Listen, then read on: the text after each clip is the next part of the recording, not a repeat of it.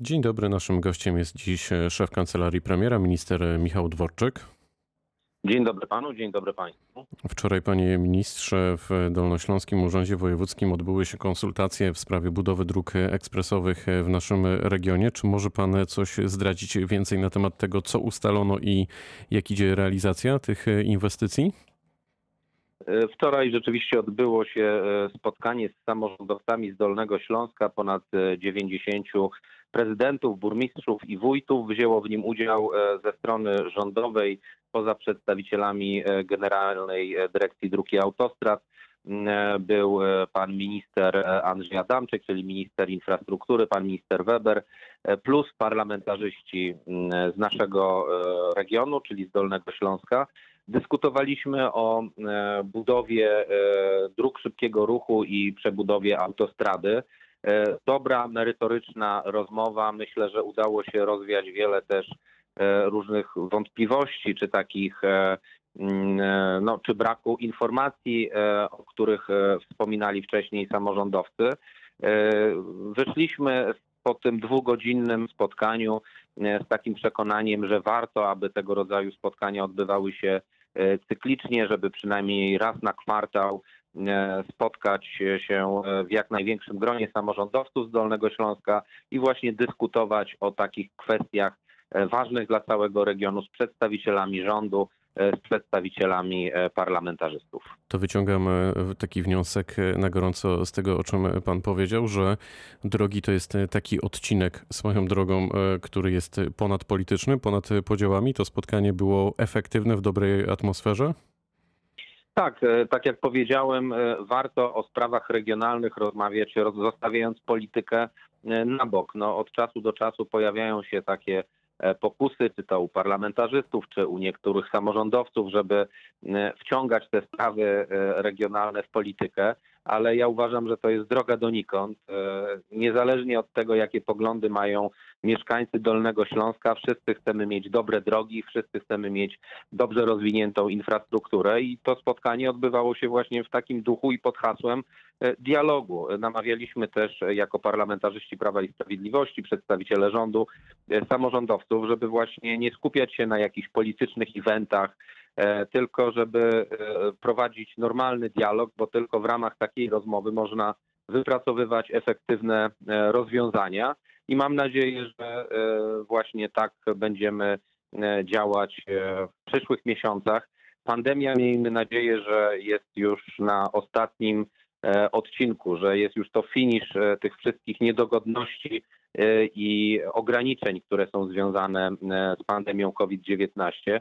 Więc mam nadzieję, że też zaczniemy wracać e, do normalnego funkcjonowania. Mówię tutaj i o samorządowcach, i o gospodarce, i o życiu społecznym, więc mam nadzieję, że takie cokwartalne spotkania będą możliwe, a my w ich trakcie będziemy rozmawiać o ważnych sprawach dla regionu. Także wczoraj odbyło się spotkanie koalicyjne bezpartyjnych samorządowców z Prawem i Sprawiedliwością. Jakie wnioski?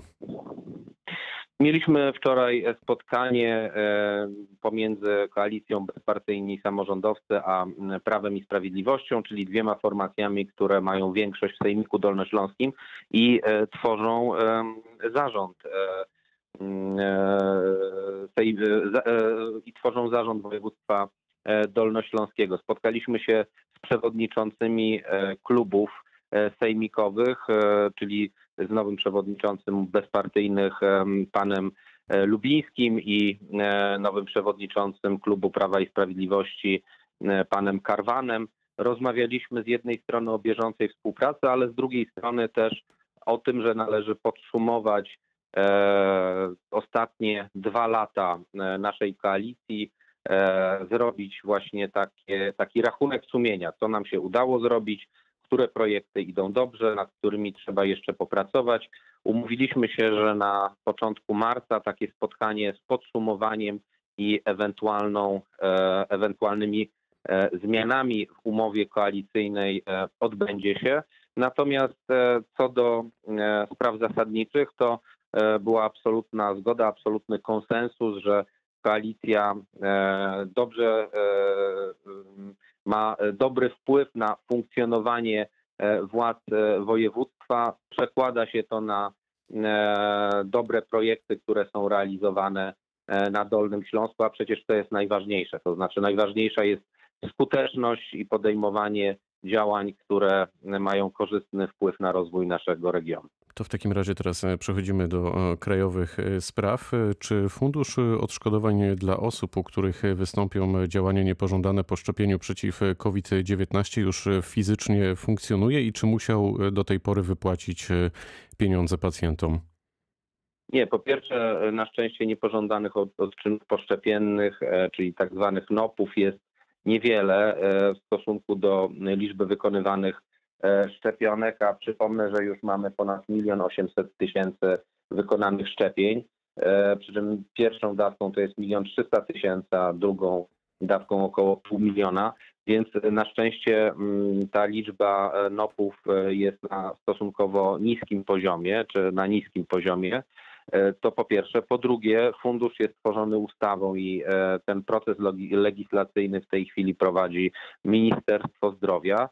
Mm, e, No i po trzecie, mam nadzieję, że e, ten fundusz będzie ponadczasowy, dlatego że jest skonstruowana e, ustawa, projekt ustawy w tej chwili jest skonstruowany w ten sposób, że w pierwszym okresie będzie on rzeczywiście odnosił się wyłącznie do szczepień na przeciw COVID-19, ale później fundusz będzie działał również w taki sposób, że mm, będzie obejmował wszystkie osoby, które decydują się na szczepienie nie tylko przeciw e, COVID-19.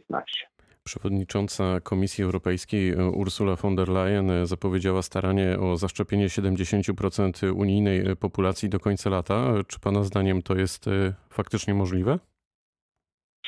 E, Wydaje mi się, że to jest mało prawdopodobne, jeżeli nie zmieni się w sposób zasadniczy mm, e, funkcjonowanie i współpraca z dostawcami i producentami szczepionek. E, My stworzyliśmy w Polsce mm, system szczepień, który ma dużą wydajność, natomiast jest bardzo mocno ograniczony przez e, liczbę szczepionek, które trafiają do Polski. E, W tej wypowiedzi pani Ursuli von der Leyen Warto też podkreślić, że e, wskazała na Polskę jako na kraj, który sprawnie e, prowadzi Narodowy Program Szczepień, że jesteśmy wśród liderów w kra- w Unii Europejskiej, m, którzy e, no, sprawnie, e, jeśli chodzi o szybkość i efektywność, e, prowadzą taki program szczepień. Ale jeśli chodzi właśnie o, ten, e, o to optymistyczne założenie dotyczące zaszczepienia 70% populacji do lata tego roku czy latem tego roku, to wydaje mi się, że tutaj trzeba e, podchodzić ostrożnie, biorąc pod uwagę dotychczasowe doświadczenia współpracy z producentami e, szczepionek. Chciałbym oczywiście, żeby tak było, ale tak jak powiedziałem, dotychczasowe doświadczenia każą e, być ostrożnym w tego rodzaju e, dywagacjach. To w jaki sposób wymóc wywiązanie się z umów producentów szczepionek na dostawy, na które się umówiliśmy? Czy my mamy w ogóle jakiekolwiek mechanizmy nacisku czy, czy kary w tej sprawie? Jako poszczególne kraje Unii Europejskiej e, raczej nie mamy takiego wpływu. No oczywiście e, A Unia Europejska jako wspólnota? zabiegać o to, możemy zabiegać o to mm, i tak jak premier Morawiecki apelować do Komisji Europejskiej, żeby e, zdyscyplinowała producentów. To Komisja Europejska jest stroną umowy.